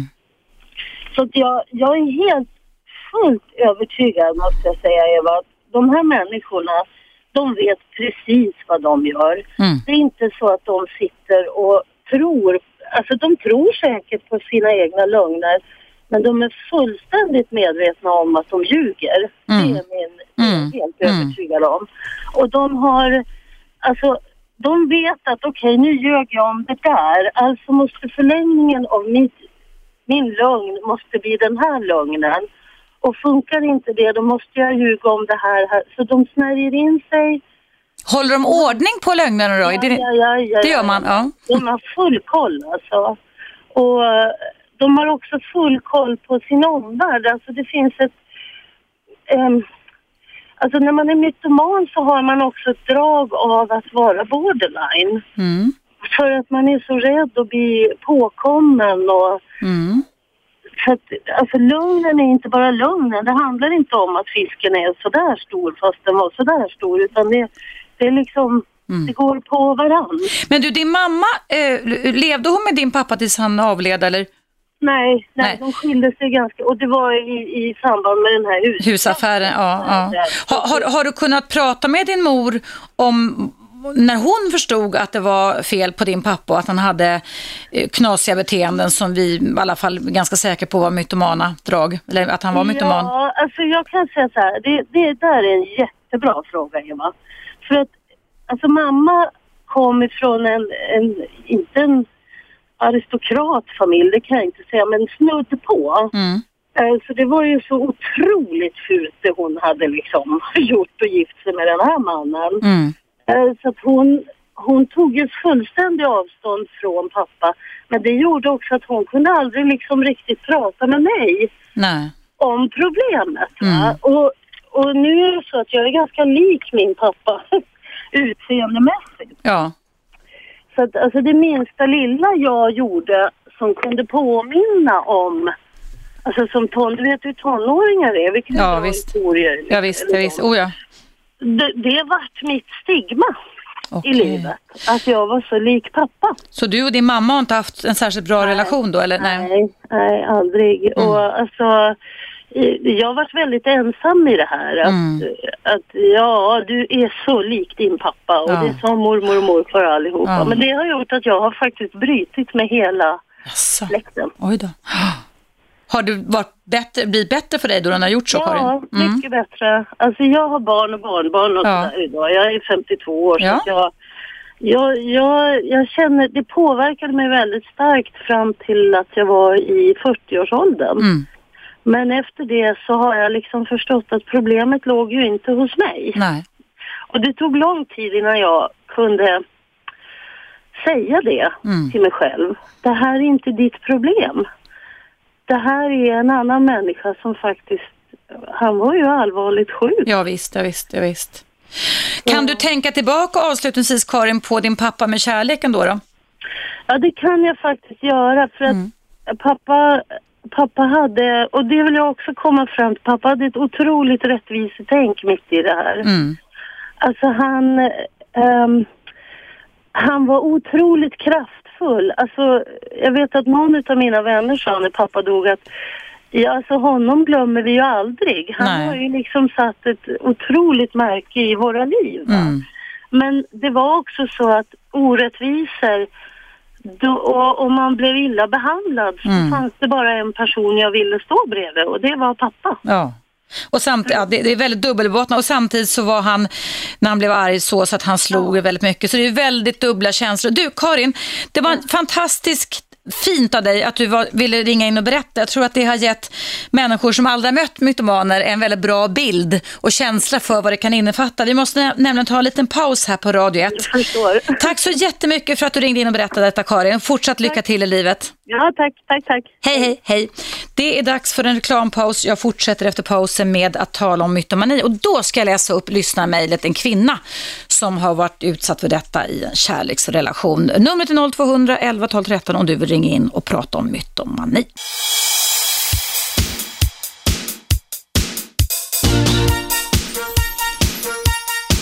Radio 1. Eva Russ. Välkomna tillbaka. Mytomani, ja det är verkligen någonting som är både spännande men skräckfullt och kan garantera att de som råkar ut från mytoman eh, inte har det allt för lätt. De kan bygga luftslott och kan vara mästare på att ljuga utan skuldkänslor. Jag har fått ett mejl ifrån Göteborg, en anonym kvinna som skriver så här. Eh, skriver till dig med anledning av dagens ämne, alltså mytomani. Jag råkade ut för en fullfjädrad mytoman i många år och tyvärr under många år. Han var den mest karismatiska, charmerande och uppvaktande man jag hade träffat. Drömmannen med andra ord. Och då lägger jag till till dig som har mejlat, ja, too good to be true brukar man säga. Och sen fortsätter det så här, han var dessvärre gift men äktenskapet var över som det hette och skilsmässan ett faktum. Jag ska inte trötta ut dig med alla detaljer, du skulle fylla en hel bok, skriver hon, men jag ska ge ett axplock. Och så beskriver då den här kvinnan så här, han fick cancer med långa behandlingar och jag fick inte komma till sjukhuset. Han har varit med om Estonia-katastrofen. Barnen sa upp kontakten med honom, han blev lurad av alla affärsbekanta med mera, med mera, med mera. Han höll mig i ett järngrepp med alla händelser och bröt sakta men säkert ner mig till en våt fläck. Jag kände att saker och ting inte stämde, men lyckades inte få fram sanningen förrän jag efter många om och men tog mig ur relationen. Det föll sig så då så att min bästa väninna träffade en ny man. Denna man kände citat min prins i sitt andra liv. Det bestod av fru och barn, de som sagt upp bekant, kontakten kärnfrisk med mera med mera. Jag försökte konfrontera honom med alla lögner för min egna, egen upprättelse och självförtroendes skull. Då startade han hot mot mig, min familj och min nya man.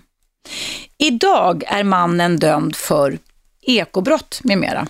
Har numera läst många böcker om ämnet och tydligen är det inte helt ovanligt att de ljuger om att de har cancer, är kriminella med mera, är fullständigt obegripligt för oss vanliga. Varmaste hälsningar. Rädd anonym, står det. Rädd anonym. Eh, ja, det vi pratade om det här ämnet mytomani, eh, jag och några stycken kollegor här på Radio 1 innan jag gick in i studion och vi pratade om människor som beter sig illa. Att jag sa det att jag tror att det finns en, en en mekanism i samhället, det är vad jag tror, att eh, svinhugg går igen. Eller alltså att man, det, de som beter sig illa faller oftast på eget grepp. Och jag tänker på du som mejlar in här nu som skriver då att han är dömd för ekobrott. Det är väl också ett sätt att manipulera och ljuga och inte tala sanning och så. Eh, jag har ett annat lyssnarmail här. Eh, du står så här. Hej, vad tack för ett bra program. Gällande dagens ämne om mytomani. Jag har en syster som ljuger hela tiden. Hon ljuger om små och stora saker.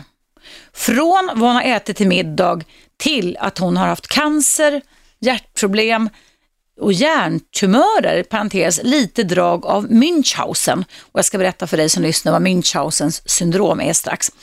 Eh, systern fortsätter då och skriver så här att hon, min, min syster ljuger om ja, cancer, hjärtproblem, hjärntumörer, jobb, vänner, föräldrar och allt annat möjligt. Hon ljuger gärna om andra människor och vad de gör. Hon har bränt alla sina vänskapsförhållanden på grund av detta beteende men jag tror inte att hon inser det själv. Hon har även två barn som har börjat ljuga också. Enligt utomstående människor som känner oss i familjen så säger de att hon alltid har ljugit. Idag är vi mellan 25 och 35 år och alla mår dåligt av det här men ingen ifrågasätter henne utom jag som är då syster. Våra föräldrar vill inte ta tag i det här med motiveringen, vi orkar inte med det här. Och sen säger de att, citat, ja men vi har väl alla varit dålig vi, ja men vi har väl varit dåliga föräldrar då, eller ja, där har vi väl misslyckats, men ingen är så perfekt som du. Alltså, det vänds mot mig istället. Min fråga till dig, Eva, är hur ska man göra? Det är en ond spiral och så fort man ifrågasätter min syster ljuger hon mer och mer och efter samtalet så pratar vi inte på flera veckor eftersom hon blir arg. När man efterfrågar bevis på sjukdomar så hänvisar hon till hennes läkare och att citat, du kan ju ringa min läkare och fråga om du inte tror mig när hon vet att läkaren har tystnadsplikt och att jag omöjligt kan få bevis för hennes lögner. Hon tar ofta aldrig upp diskussioner vid ett senare tillfälle det är som att hon vet att jag vet att det är en lögn så hon tar aldrig upp det igen. Hon säger ofta att hon blivit åsidosatt som barn. Kan detta vara anledningen till hennes mytomani? Snälla Eva, vad ska jag göra? Ja, snälla du, du har mejlat ifrån Örebro. Um, du beskrev ju faktiskt egentligen alla de tecken, tycker jag, symptom som många inringare har berättat om som har levt med personer som har mytomani eller växt upp med föräldrar som har haft mytomani. Och det kan ju både vara sjukhusinriktat och jag tänkte jag skulle bara tala om eh, vad Münchhausen är. Münchhausen det är ett eh, syndrom eh, och eh, det är ett syndrom, nu måste jag titta med lilla röda så jag inte säger fel här, när man eh, gör andra människor sjuka. Eh, jag har stött på det, eh, om jag inte är helt eh, borta här nu. Jag har stött på det en gång när jag jobbade som skolpsykolog för många, många år sedan på gymnasienivå. När det var en förälder som eh, såg till att ungen ständigt var sjuk. Så fort ungen blev frisk så var den tvungen att bli sjuk igen. Och jag började misstänka Münchhausen syndrom. Det är ganska läskigt alltså, där till och med föräldrar kan förgifta maten och så vidare. Så att barn och ge dem allergiska reaktioner. Eh, men hur som helst då, du som har mejlat in till mig. Eh, man tror när det gäller mytomani att det kan ha alltså med en störning, att någonting har skett, ingen sjukdom alltså, och att hon känt sig åsidosatt. Att det har blivit någonting som hon var extra sårbar för. Vi har ju en kombination som formar vår personlighet. Vi har ju generna, alltså det är mamma och pappa, spermier och ägg som liksom smälter ihop. Men sen har vi också hur vi ristas in, hur vi känslomässigt omhändertas och vilka erfarenheter vi gör i livet och hur vi uppfattar och ser på världen i relation till våra mamma, pappa och våra syskon. Och allt det där kan liksom bli en cocktail och för vissa personer leda till att man får vissa särdrag. Och de här särdragen kan då bli till exempel då myt kleptomani. Va? Eh, eftersom de någonstans har en ganska krank och blek självkänsla så mm, diktar de upp saker kring sig själva för att få uppmärksamhet och för att liksom häva sig själva lite över mängden. Och målet med en terapi, om de ens kommer så pass långt, om de får självinsikt, vilket är ganska svårt för många, det är det att de då i sådana fall ska träna sig på att visa mer av sig själva och att de ska tro och ta till sig att de är värdefulla och älskbara ändå. Men det är ju så att eh, det är många som går i terapi och eh, en mytoman, precis som en narcissist eller en psykopat, söker, det ligger liksom i störningens natur, de söker inte upp en terapeut för de anser sig vara så himla bra människor så de behöver inte det. Alltså det finns ingen självinsikt, det finns ingen distans. Så att ju mer folk försöker tala om för dem att de är, att de är avvikande och störda så kan de bli ännu värre i sina utfall och sina uppdiktningar eller sina hat eller det nu kan vara för någonting. Um, det är ju så det äh, att äh, den här lögnen när man är eh, mytoman är ju väldigt jobbigt och som du skriver i mejlet här också så blir föräldrarna nästan medaktör eller medberoende, att man alltså inte orkar avslöja, att man istället då rycker på axlarna och säger ja, ja, ja, sådär va. Jag tror till dig som har mejlat att det där är en jätteknepig uppgift. Om din syster på något vis inte har någon självinsikt och på något vis inte ser någon vits och mening med att ta till sig vad du säger och dina, du har inget stöd av dina föräldrar, då tror jag att du får helt enkelt kanske läsa på om mytomani och bestämma dig för vad din syster har för störning helt enkelt. Och sen får du helt enkelt leva med det. Man kan leva med, man kan älska personer som är störda, men man får lov att bortse ifrån och inte gå igång känslomässigt när man, man, man avslöjar dem med lögner som man kan göra med en mytoman. Utan då får du helt enkelt sitta still i båten och säga till dig själv, ja, ja, men det här hänger ihop med hennes diagnos. Eh, man kan eh, tycka om någon som har mytomana drag, precis som man kan tycka om någon som har borderline-drag eller någon som har tvångsmässiga drag. Alltså det finns ett tiotal olika personlighetsstörningar. Men då ska man veta det och veta att man liksom man får säga så här, ja, ja, men så här är det. Hon håller på så där, hon kanske blir avslöjad, hon, hon binder ris åt sin egen rygg. Men en vacker dag kanske hon kommer till en vändpunkt med, men i och med att hon inte på något vis släpper in dig som syster i detta och du inte får något stöd. Så eh, läs på om mytomani och jag tror att det kan vara en cocktail alltså av att känna sig åsidosatt, att inte känna sig bekräftad, att inte känna sig viktig och att, eh, ja, på något vis när hon förhäver sig och ljuger så här pass mycket så, om små och stora saker så eh, mår hon i alla fall i sin egen värld bättre. Det är vad hon tror själv. Eh, och som du skriver avslutningsvis, eh, du är från Örebro också, att hennes barn har börjat ljuga. Ja, barn tar efter. Alltså det, det är utom då Karin som ringde in här innan pausen, som hade en pappa som var mytoman, som blev expert på mytomaner istället och kunde avslöja dem direkt. Eh, så det kan falla lite olika eh, beroende på hur vi är som personer och eh, ja, vad vi lägger märke till i livet.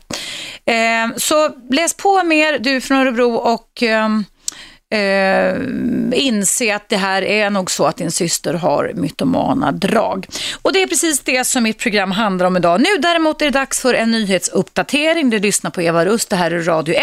Numret in till studion till mig om du vill prata med mig om mytomani är 0200 11 12 13. Vi hörs efter pausen som kommer här.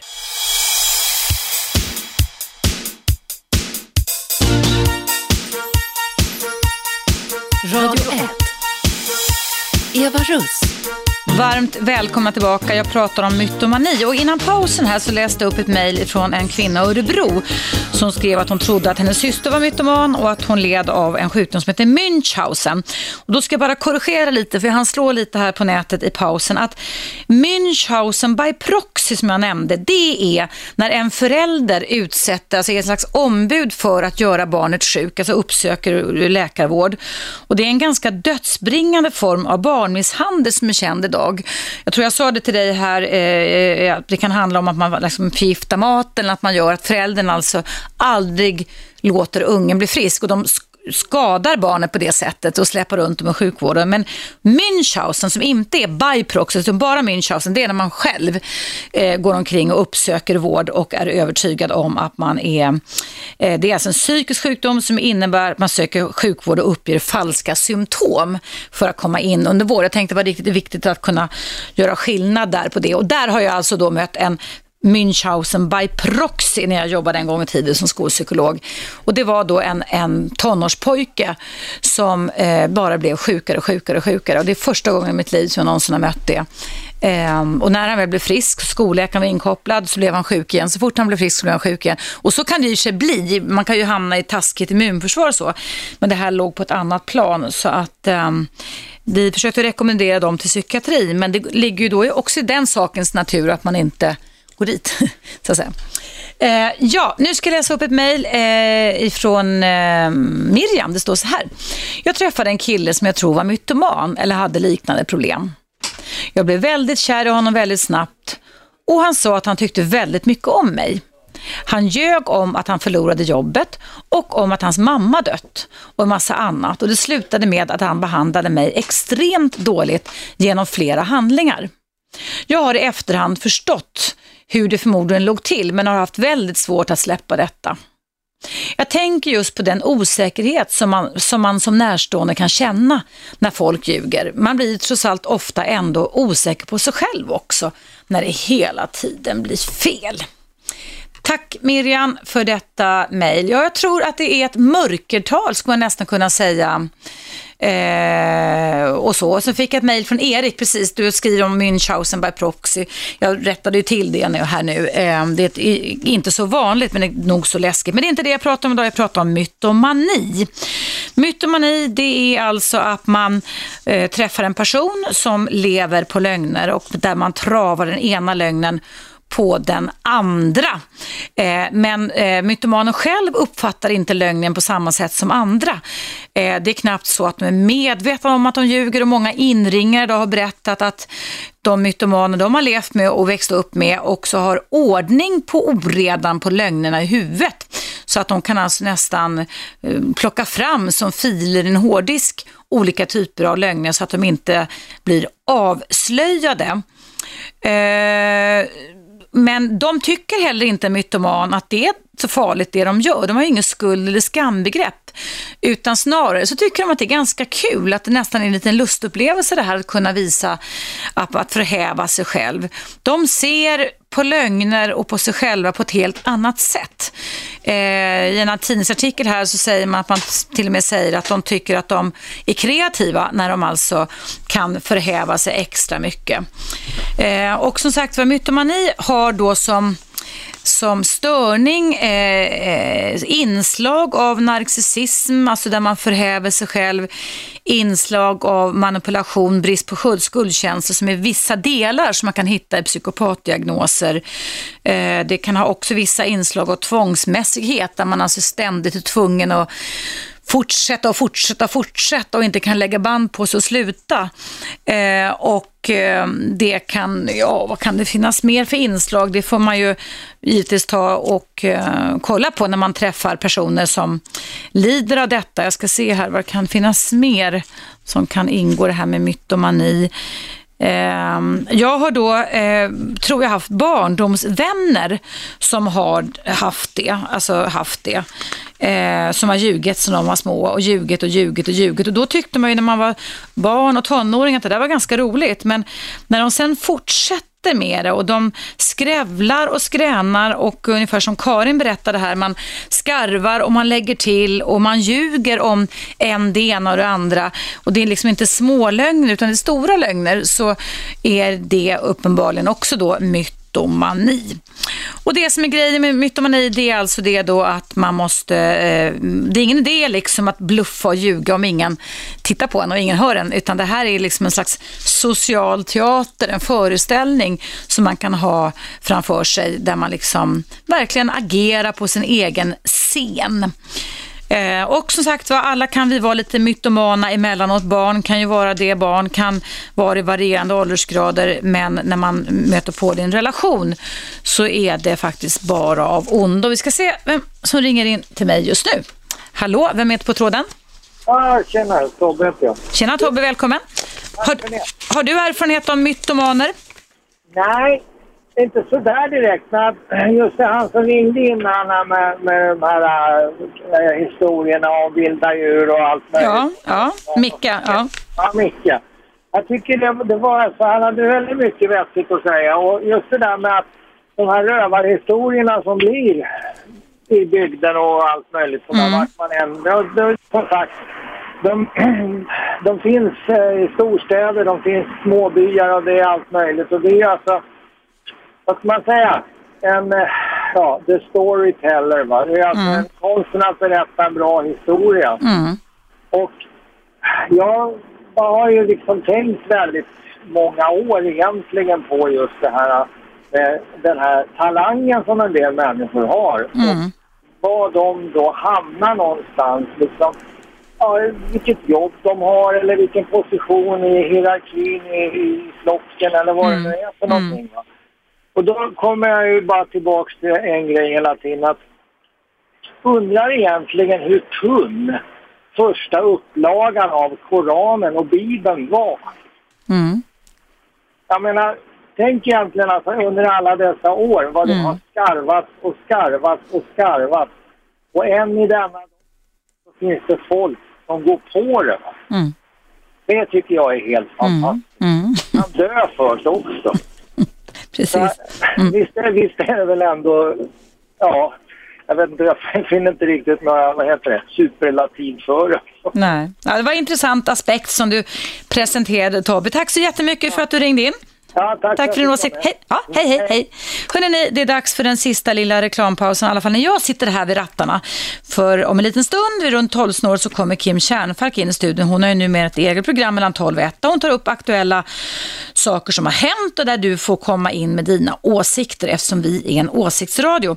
Nu däremot är det dags för en liten reklampaus. Jag heter Eva Russ, ämnet är mytomani och du är fortfarande varmt välkommen att ringa in till mig i pausen. Numret är 0200 11 12 13. Du kan också göra som många mejlat mig idag och det är då min mejladress är evaradio1 snabela gmail.com.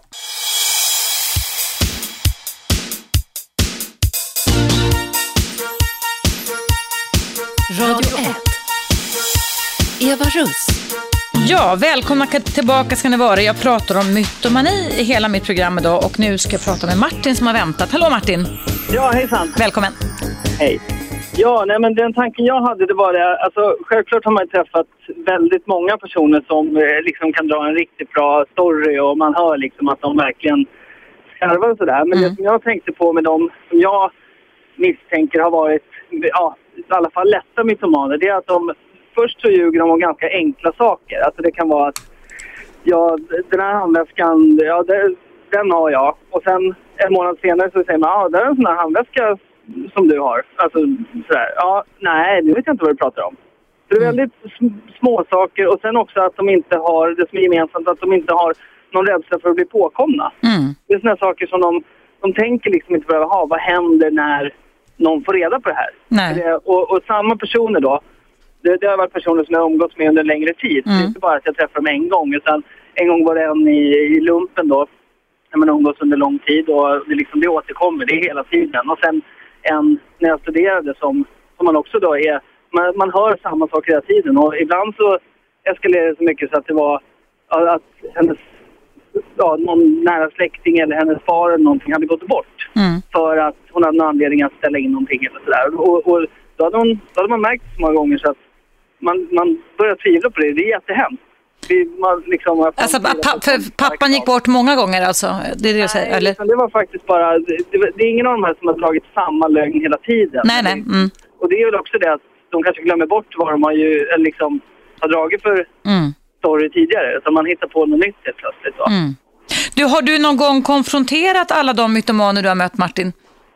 Nej, alltså jag får mig att vi i lumpen där, då, då kanske du vet, stämningen är som den är. Att man kanske drev lite grann eller man, man spelade med liksom. Men man, Mm. man kände ju liksom att det här gör vi för att han, ja, han har ett problem liksom. Mm. Så Eh, ni lät honom vara, eller den som var mytoman eller hade mytomana drag i alla fall? Precis, det var liksom, eh, det var inte så, så att man, du, eh, varför, varför sitter du och ljuger? Vi vet att du ljuger. Det var liksom på något sätt man, man bara lät det hållas liksom. Mm.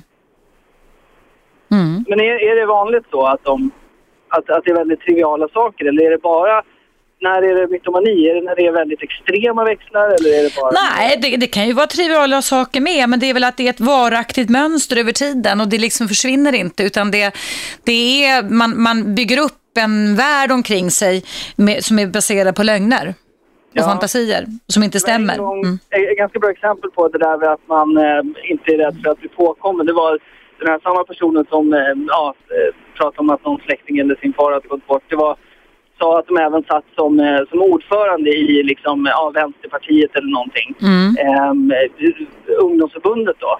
Så att sånt som inte kanske syns så mycket ut för, eller utåt, men det är väldigt, väldigt lätt att Kolla ja. Mm. det är liksom bara, jaha, nej men så var det inte. Så att, eh, ja, lite... Men, men det brydde sig vederbörande inte om heller Martin, att den, den lögnen blev avslöjad direkt. Nej, jag tror inte att vi liksom... eh, Alltså, det, det är också det där med konfrontationer. Det är väl Mm. ingen som kanske känner att man är så... Det, det har inte varit någon nära, nära vän. Nej. Då är det svårt att bry sig det där sista lilla. Och liksom, Mm. Utan då är det mer att man skojar om det själv. Då. Men Ja, det, ja. det, är, det är jättetragiskt. Alltså, det, är- Ja, det är det faktiskt. Det är det. Du, du ska tack för att du ringde in och berättade detta för mig Martin. Ha en jättebra dag. Hej då. Hej, hej. Ska vi se om ett samtal till kanske. Vem finns på tråden? Jag känner Eva Stickan igen. Tjena Stickan, hej. Jag är på väg fortfarande från Älvdalen. Ja, inte- hur långt har du kommit nu då? Nej, men jag är på väg. Men du, kort. Den här killen Tobbe, Ja. han skickar in en klockren iakttagelse här om myter. Ja. Alltså varje, alltså varje helg så går det ju till exempel, jag brukar lyssna på högmässan för att det är sådana bra historier. Mm. Men de människorna som, som vidarebefordrar de här historierna, vare sig vilken religion det än är, Mm. har de av, lite grann, alltså har inte de någon mytomani i sig? Präster alltså? Mm, det kan jag inte svara på, men Ja, men alltså man måste, alltså jag säger så, jag är inte emot bra historier. Nej. Men alltså jag tänker så här, alla människor jag känner skickar på bra historier om sig själva. Ja. Och det som Tobbe säger så här, hela vår verklighet är uppbyggd kring en bok som är, ingen vet ens hur den har börjat. mm. Det, det, det kan jag hålla med om. Mm. tycker jag är fascinerande. Det är fascinerande. Mm. Mm, Ja. ja. Lyssna vidare. Tack så du Och kör försiktigt. Hej, hej. Ja, nu ska vi se. Finns det någon där? Nej. Ja, det finns fortfarande för dig som lyssnar just nu och som vill berätta dina reflektioner eller dina erfarenheter kanske om att träffa en mytoman så kan du ringa in numret är 0200 11 12 13. Vem finns på tråden nu? Hallå ja? Ja, hej, välkommen till Eva Russ. Vad heter du? Ja, men tjena, Peter heter jag. En gång till. Peter. Peter heter du, förlåt. Ja, vad, vad, vad, vad väcker detta ämne för tankar och känslor hos dig? Nej, men det är just det här. Jag har varit utsatt för en som har... Och jag, jag vet inte gränsen riktigt mellan, mellan mytoman och eh, psykopat lite grann. Jag var tillsammans med en eh, tjej för ett tag sedan. Mm. Och eh, hela hennes vä- värld egentligen var uppbyggd på lögner. Det började egentligen med att hon hade blivit misshandlad av sin före detta man som hon var tillsammans med. Mm. Vilket visade sig att hon inte hade varit. Eh, den mannen skulle också ha misshandlat hans barn, vilket inte heller hade hänt. Nej. Och hon hade en värld som var uppbyggd väldigt mycket på etik, moral, alltså vad som var moraliskt rätt och etiskt rätt. Mm. Och det här trodde ju du på först, eller hur? För det, det, man börjar ju inte med att misstro en människa man inleder en relation med. Nej, jag följde ju pladask, alltså, Mm. så, så var det ju. Men jag upptäckte undan för undan, för det var mycket det här med otrohet, alltså var går gränsen för det? Och allt det hon tyckte var otrohet, alltså det gjorde hon åt mig. Och det gick ju så långt att hennes värld på Facebook med alla hennes kompisar, alltså det, den ena lögnen fick hon ett gilla på kanske och så Mm. inte den till och så skarvades det på ännu mer. Mm. Det Du, kom, kom, kom, det konfronterade du henne någonting då när du började bli misstänksam kring detta? Massor av gånger. Ja. Så det var ju den ena eh, undanglidningen efter den andra. Och det är ganska svårt att veta efter ett tag vad som är sant och vad som inte är sant. Mm. Du tvivlar lite grann på dig själv. Mm. Tills du hittar fakta, så skrivna fakta och så vidare. Vad, vad fick dig att lämna henne slutligen? Ja, det, var- ja, det var väldigt enkelt egentligen. Eh, hon kom hem till mig en kväll och så om inte hon fick som hon ville då skulle hon börja skrika så grannarna skulle höra det. Ja, men så, här, det finns ingen anledning till det. Och, eh, jag, hon kastade sig helt enkelt ner på, på golvet framför mina fötter och la sig lite grann i fosterställning och skrek slå mig inte, slå mig inte, slå mig Nej, inte. men vad så förfärligt alltså. Ja, men, Ja. det, ja, men det är ganska Oj, oj. Eh, eh, och det här slutade med i alla fall att eh, jag lämnade henne såklart och jag sökte kontaktförbud vilket jag också fick sedermera. Oj, oj, oj, vilken mardröm Pe- Peter alltså. Ja men alltså det har varit det och Mm. just det här skill... Alltså hur fasiken kan man märka när man har att göra med en mytoman eller psykopat? Jag vet inte riktigt. Nej, nej det, det, det, det där som du beskriver, ehm, det är säkert en kombination av, kan, till och med borderline kan vara lite i också förstår jag, alltså, som kan finnas i. Men, men vad hände? Fick ni stopp på hennes destruktiva närmanden till dig då när du ansökte om kontaktförbud? Nej, grejen var ju det att hon eh, överskred det kontaktförbudet också. Ja, och hur, hur betedde hon sig då, då? Kan du ge mig en bild av det? Ja, alltså, hon, hon kunde skriva till mig på eh, mobilen via sms att jag vet att jag överskrider kontaktförbudet men jag älskar dig så mycket och du har varit den enda för mig och ja, Mm. försökte komma åt mig på det sättet och så sen en dag senare då kunde jag få världens elakaste sms om att Mm. hon önskade livet ur men hon hatar mig. Mm. Och så på eftermiddagen då kunde jag få ett gulligt sms igen. Det var, alltså, var det som att, som hon hade sagt innan, det fanns inte. Nej. Det låter som en sån här cocktail av flera olika personlighetsdrag och störningar tycker jag. Har hon slutat med sin förföljelse av dig nu då? Ja, alltså nu har jag ju inte hört av henne på tre veckor men alltså, Mm. jag får ju något sms någon gång då och då. Då kan det komma älskling och så frågetecken. Och, Mm. alltså, och det här är ju över ett år sedan jag gjorde slut med henne och hon har inte riktigt släppt det här. Nej. Det bästa du kan göra är ju att jobba med att inte svara på något. Gör du så? Nej, jag, jag svarar ingenting. Nej, bra. Det är bra. För det är det en, då, då, så småningom så kommer det där klinga av. Eh, men det är jobbigt att vara utsatt för detta. Eh, har du lärt dig någonting av detta i ditt kommande partnerval? Fick du några varningssignaler som du negligerade eller? Nej, alltså jag fick ju inte det utan Mm. man är ju man och alltså, om någon far illa, men det är klart, då vill man skydda Då den. vill man skydda den. Ja. ja. Så det, Och det, Grejen är att hon byggde ju upp lögnerna i hela hennes bekantskapskrets. ja.